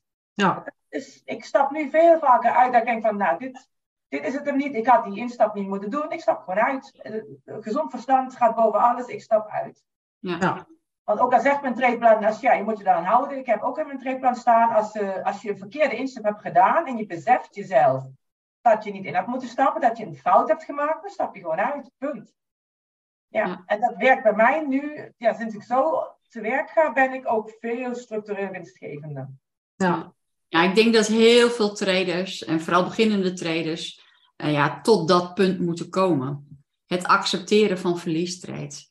Ik lees gewoon nog te vaak dat mensen kosten wat het kost, uren, wat soms dagen in een trade blijven zitten, om maar niet het verlies te accepteren. Terwijl ze misschien al veel eerder uit die trade hadden kunnen stappen met een heel klein verlies. En uh, al die trades die erna komen, die uh, maken die verlies weer uh, dubbel en dwars goed. Ja. Zeg maar. Dus dat, ja, weet je, op dat moment, ja, nu heb ik dat niet meer, maar in het begin had ik op dat, was dat bij mij wel zo, dat ik dan op dat moment dacht van, hè, godverdorie, hè, 3% verlies, 2% verlies, hè, dan, dan ben ik weer een hele tijd bezig. En, nou ja, Gaat mijn week winst. Ja, weet je, ja, en nu, nu, nu lach ik erom. Maar ja, dat besef, dat, uh, nou, dat heeft echt wel uh, een tijdje geduurd. En dat is, ik, in het begin, uh, want ja, ik, ik bleef in het begin op, ook hangen in mijn, in mijn trades, weet je wel. En dan Um, want dan durfde ik op mijn manier uh, niet uit te stappen, want dan, ja, dat vond ik dan zonde. Um, maar wat deed ik dan? Dan zette ik uh, op een gegeven moment zette ik dan wel een, uh, een stop. Um, en als ik dan naar bed ging, maar als ik dan, op een gegeven moment merkte ik dus dan, als ik uh, s'nachts uitgestopt werd, hè, met een verliestreep, dat ik dat eigenlijk helemaal niet zo erg vond. Terwijl als ik er overdag, vond ik het wel erg. En toen had ik ook zoiets van, dit slaat natuurlijk helemaal nergens op. ik moet gewoon veel eerder dat verlies gaan nemen. Ja. Dus Nou ja, voordat je zover bent, ben je al eh, dan ben je, dan ben je heel wat trades verder. Ja, dan ben je heel wat trades verder. Ja, Heb je absoluut. ook de markt al tegen je gehad? Want de markt werkt tegen je. Dat dacht ik ook een hele tijd in het begin. Dat ik dat alleen had en dat de markt tegen me was. Dat Ja. altijd ik, Ja. alleen maar als ik instapte, dan ging het omlaag. Ja, Johan die geeft ook aan in de chat van eh, klopt helemaal dames, ik zit nu ook op dat punt. En ik Ja. heb met Connie afgesproken mijn plan te gaan opschrijven. Ja, Ja, en ja. dat is echt, dat is de key hè. Je Ja. tradingsplan, dat is echt de key om naar winstgevend te gaan. Ik ben vrijdag ook uitgestapt. Ik zat er met het speelportfolio in, omdat het al een trade was waar ik denk van, hier ga ik met mijn gewone portfolio niet in. Maar ja, het lijkt wel een goede trade. Ik wil er toch graag in. Speelportfolio. Dan heb je de behoefte, is vervuld. Ik stap in. Ging alleen maar onderuit. En op een gegeven moment dacht ik, even uitzoomen, hè? grotere tijdframe. Denk, uh -uh, hier ga ik niet het weekend in blijven. En dan ben ik uitgestapt bij min 4. Nou ja, het zij zo. Maar ik ben wel blij dat ik er al wel zo, zo ver was dat ik niet met mijn hoofdportfolio in was gestapt. Ik kan Ja. altijd twijfelen. Bij twijfel is het niet doen. Maar dan vind ik het wel prettig dat het speelportfolio laat mij wel zien dat bij mij in ieder geval buiten de lijntjeskleur het niet structureel winstgevend is. Ik Nee. heb daar prachtige winsten mee. Ik sta soms met plus 20. En dan kun je binnen no time ook weer op, op break-even staan. Ik moet zeggen, ik heb gelukkig eigenlijk nooit verlies. Maar ik kom niet verder. Het blijft gelijk. Weet je wel, als ik Ja. eh, blijf Ja, dat heb ik kom ook. maar terug naar het begin. Ja. Verliezen heb ik eigenlijk gelukkig bij de traden nooit gehad, maar ik kwam niet verder. Ik, ik bleef hangen rond mijn startbedrag altijd. Ik had winst en ik leverde het weer in. En ik had winst en ik leverde het weer in. Dat, Maar dat ik had vind ook echt grote verliezen, behalve met het investeren. Mijn eerste crypto-investeringen die waren in de bullrun van eh, 2021, zeg maar. Ja, daar staat iedereen onder water, weet je wel. Maar ik heb zoiets van, zolang als je niet verkoopt, heb je geen verlies. Ik heb wel mijn altcoins heb ik op een gegeven moment wel weggedaan. Dat ik dacht van, ik wil niet investeren in alles. Eh, dat, ja, dat zie ik niet zo zitten als ik geen kennis heb en geen fundamentele analyse heb gedaan. Dus daar heb je dan wel wat verlies op. Maar dat is in principe ook beperkt gebleven, gelukkig. Maar eh, ja, ik denk, je moet ook eerst verlies maken om te kunnen leren. En, om een, en ja, de meeste mensen die met crypto in aanraking komen, is, is toch tijdens een bullrun. Omdat iedereen het daar dan over heeft, zeg maar. Ja, Ja. mensen durven nu in de bear market te beginnen met crypto. Ja, ja. John, die, eh, John die vraagt ook nog in de chat van schrijf jij ook je trades op die je doet met je speelportfolio? Eh, ja, ik heb een logboek erbij. Alleen ik doe het niet analyseren in die zin dat ik om de 100 trades analyseer en bijstuur, want daar is dat portfolio niet voor. Maar ik heb wel alle linkjes. Ik heb hetzelfde logboek als van mijn gewone portfolio. Alleen ik voel me niet, ja, ik hoef daar niet een analyse en bij te stellen. Ik, daar, daar gewoon, ik mag daar gewoon alles mee doen wat ik wil doen. Ja. Maar ik zie wel dat ik, ik groei wel, maar niet, niet, ja, niet in verhouding zoals je het zou willen. Niet structureel. En daar gaat het om, hè? want we willen structureel winstgevend zijn. Niet een keer 20% winst halen. Want met, bijvoorbeeld, ik vind swingtraden ook heel leuk. En technische analyse vind ik gewoon ja, heel leuk. En ik wil daar gewoon heel graag mee traden. Alleen het duurt mij te lang om daar een portfolio mee op te bouwen. Dat vind ik te lang duren. Want dan moet je soms dagen, soms wel weken wachten op een trade. En met zo'n speelportfolio vind ik het dan niet zo erg. Maar dan, ja, maar dan, dan, laat ik het gewoon staan. En dan kun je wel mooie winsten. Hè? Dan heb je het over grotere bedragen. Alleen, ja, ik vind voor mezelf de stopmethode ook de fijnste, rustgevende. Ja, het geeft mij rust in die zin dat uh, alle trades die ik met technische analyse doe, moet je eigenlijk altijd kunnen managen, vind ik. Als je bijvoorbeeld, dan moet je alerts gaan zetten. Hè? Bijvoorbeeld als je met chartpatronen gaat traden, dan moet je alerts gaan zetten. En dat is gewoon niet mijn manier van traden. Want ik wil niet als ik in een restaurant zit te eten of als ik thuis lekker op de bank even rust wil pakken, dat ik dan moet traden op dat moment dat als dat alert afgaat. Dat vind ik niet fijn. Ja. Dat is weer moeten. Hè? Dat, dat, dat is niet mijn methode. En met de stop, dat is mijn methode om af en toe te doen, maar niet als basis. En mijn hoofdmethode is ook de stopmethode, omdat je die gewoon kan oppakken op het moment dat je dat zelf wil. En dan heb je een, hè, je hebt een, een, een, een tradeperiode en ik ga nu traden, die uren ga ik doen. Ik ga wel kijken of dat de markt dan geschikt is. Als het echt niet kan, dan stap ik daar ook niet mee in en zei het gewoon zo. Maar dit geeft me rust en, en dat sluit je af en dan ben je klaar. Je hoeft dan verder ook niet meer te kijken of dat de prijs daalt of stijgt van de bitcoin. Dat kijk je van tevoren even. Hè. Je maakt een korte analyse. Is het een goed moment of niet om te traden? En mij geeft die stopmethode in combinatie met SPM echt heel veel rust. Dat is Ja, ook ja, een ja. ding om dagelijks te doen, zeg maar, om portfolios te bouwen. En Nou, ik moet, ze- echt ik voor- moet zeggen, mijn speelportfolio, eh, daar ben ik veel slordiger mee dan, eh, dan met mijn hoofdportfolio. Dus ik, ehm, ik zeg dan wel tegen me, of ja goed, ik heb met mezelf wel de afspraak dat ik alles eh, noteer, maar ik doe het niet. Ja, ik noteer, ik probeer ook wel zoveel mogelijk te noteren. In mijn logboek, niet in mijn trade journal. In mijn trade dagboek, daar noteer ik mijn speelportfolio niet in. En ik heb ook wel eens dat ik op de bank zit en dat ik op mijn laptopje aan het traden ben, dat ik echt denk van nou, weet je, ik noteer even het beginsaldo. En als ik tien trades verder ben, dan noteer ik even mijn eindsaldo. En dan vind ik het goed. En dan heel af en toe sla ik eens een linkje op. Met mijn, met mijn speelportfolio ga ik slordig Ja, aan- dat, dat, dat is Ja. zo, zo heb ik het ook hoor. Want weet je, dat doe ik toch dan inderdaad vaak. ehm, ja, net wat je zegt, als ik dan met mijn laptop op de bank zit of eh, ja, dan, en dan en heel vaak schrijf ik het dan niet op. Ja. Ja.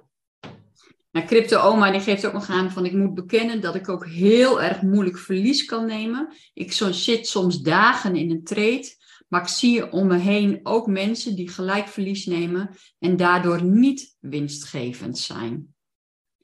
Dus ja, en die hebben misschien nog niet, ehm, ja, Maar ja, eh, die, die gelijk verlies nemen, maar eh, ja, hoeveel procent en eh, hoeveel trades? Ja, ik wou zeggen, misschien hebben zij nog niet echt eh, hun volgaande ehm, trades allemaal geanalyseerd. Dat je ook weet hoeveel verlies je kan nemen. Hè? Want Ja. eh, ooit heeft iemand geroepen van na 2% verlies op een trade, dat, dat kan. Maar wie zegt dat dat kan? Hè? Misschien kan jouw trade winst dat wel niet eens aan, 2% verlies. Ja. En als jij je voorgaande trades hebt geanalyseerd en je weet gewoon van ik heb gemiddeld zoveel winst haal ik uit mijn ehm, eh, win, winnende trades.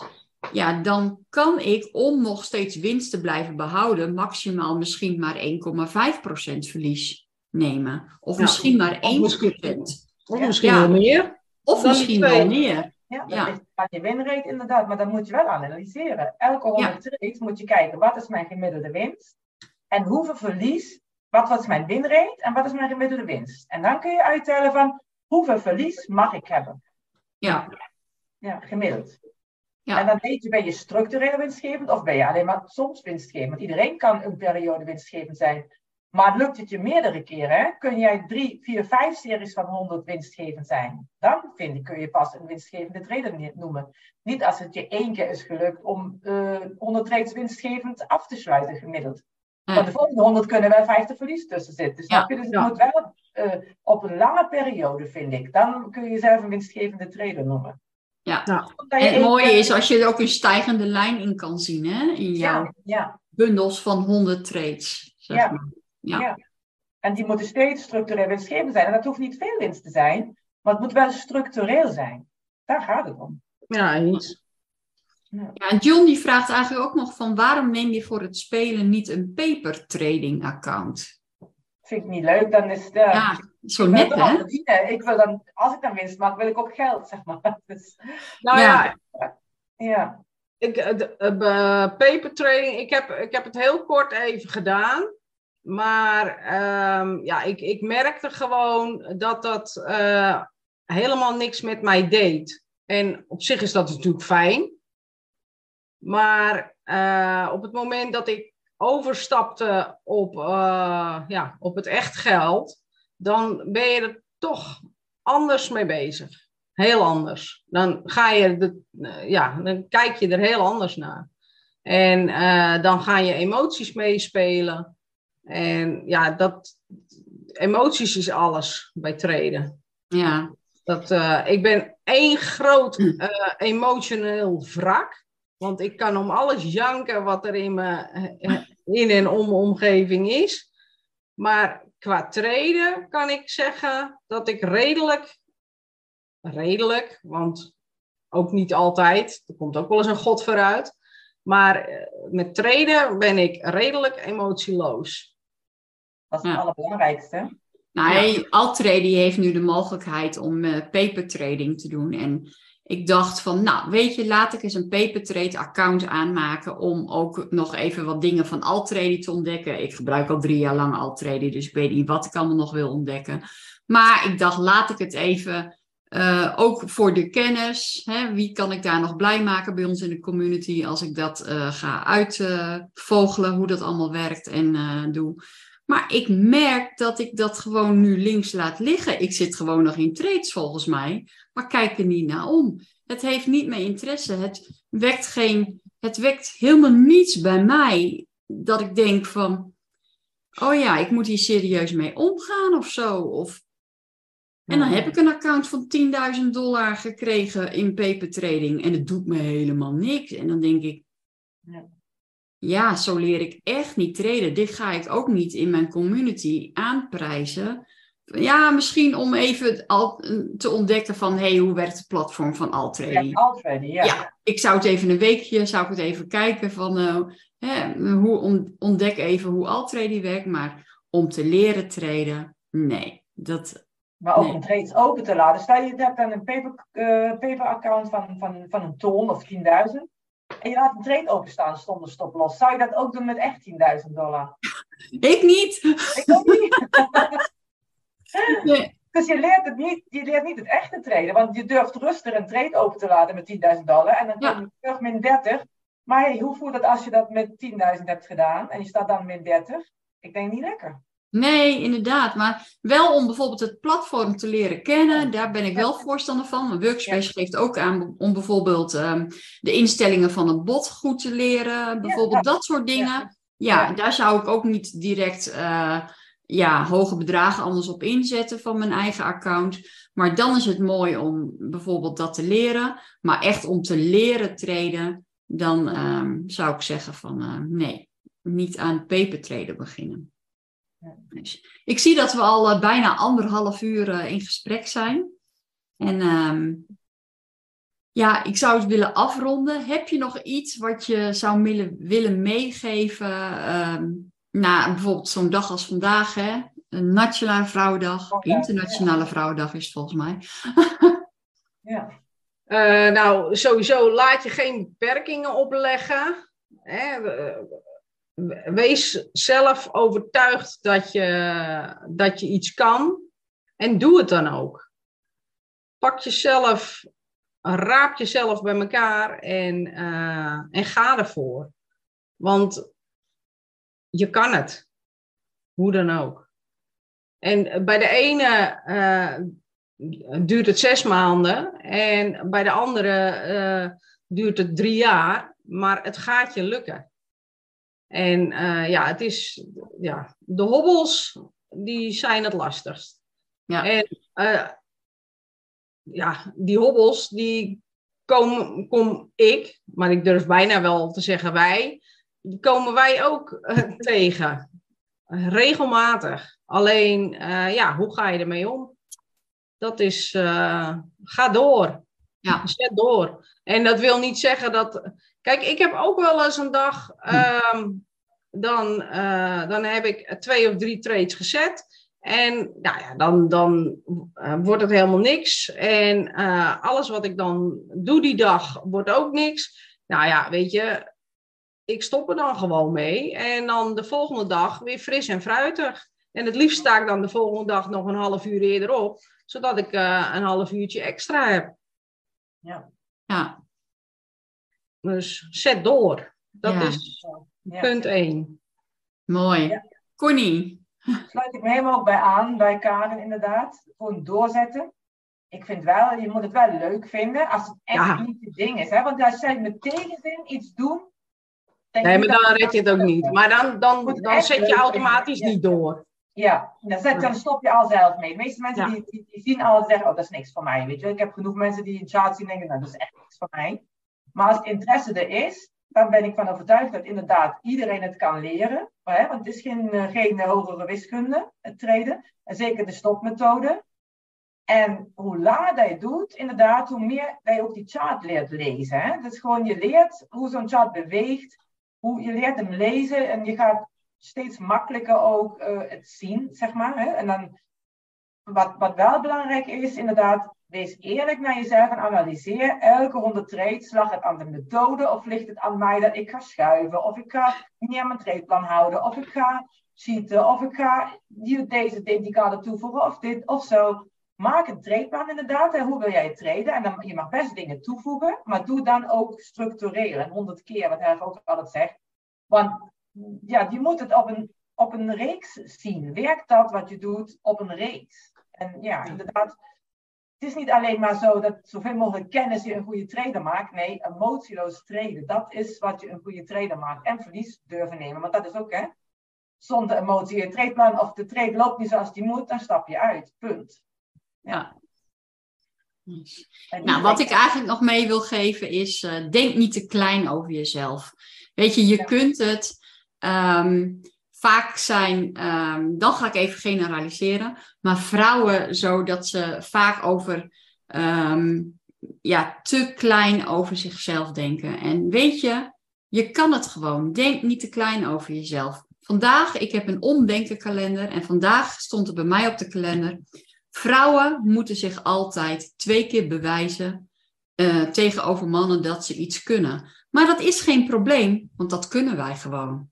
Dus Hè, wij moeten altijd twee keer zo goed uh, iets beter kunnen doen als mannen. Geen probleem, wij kunnen het gewoon. Denk niet te klein over jezelf. Treden valt ook gewoon te leren. Maar inderdaad, vind het wel leuk. Als het je passie niet is, hè, of als je het niet leuk vindt, dan zijn er voor jou gewoon tientallen andere dingen. Maar weet je, je kan het en denk niet te klein over jezelf.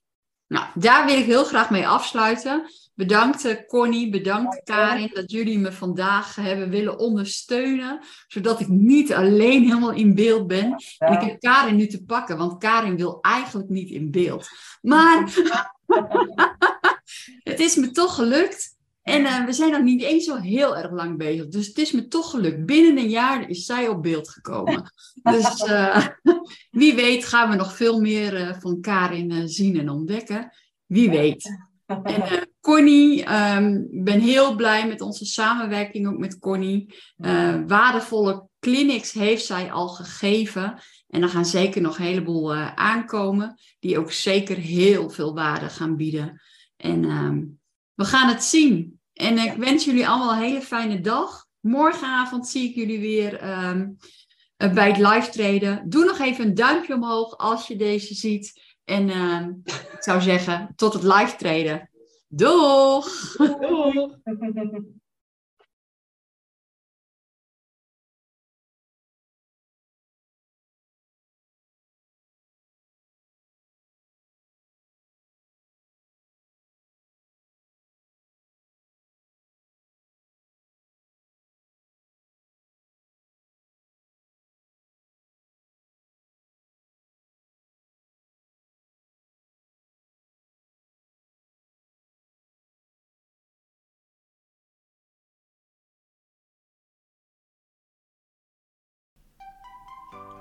Bedankt voor het luisteren naar deze podcast.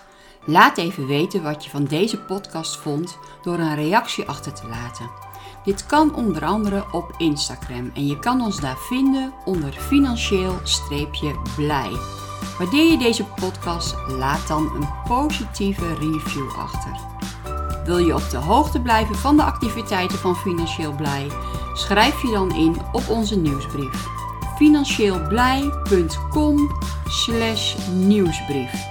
Volg ons ook op ons YouTube kanaal Financieel Blij. Daar laat ik iedere maandagochtend en donderdagavond zien hoe je geld kan verdienen met crypto. Bedankt voor het luisteren en tot de volgende podcast.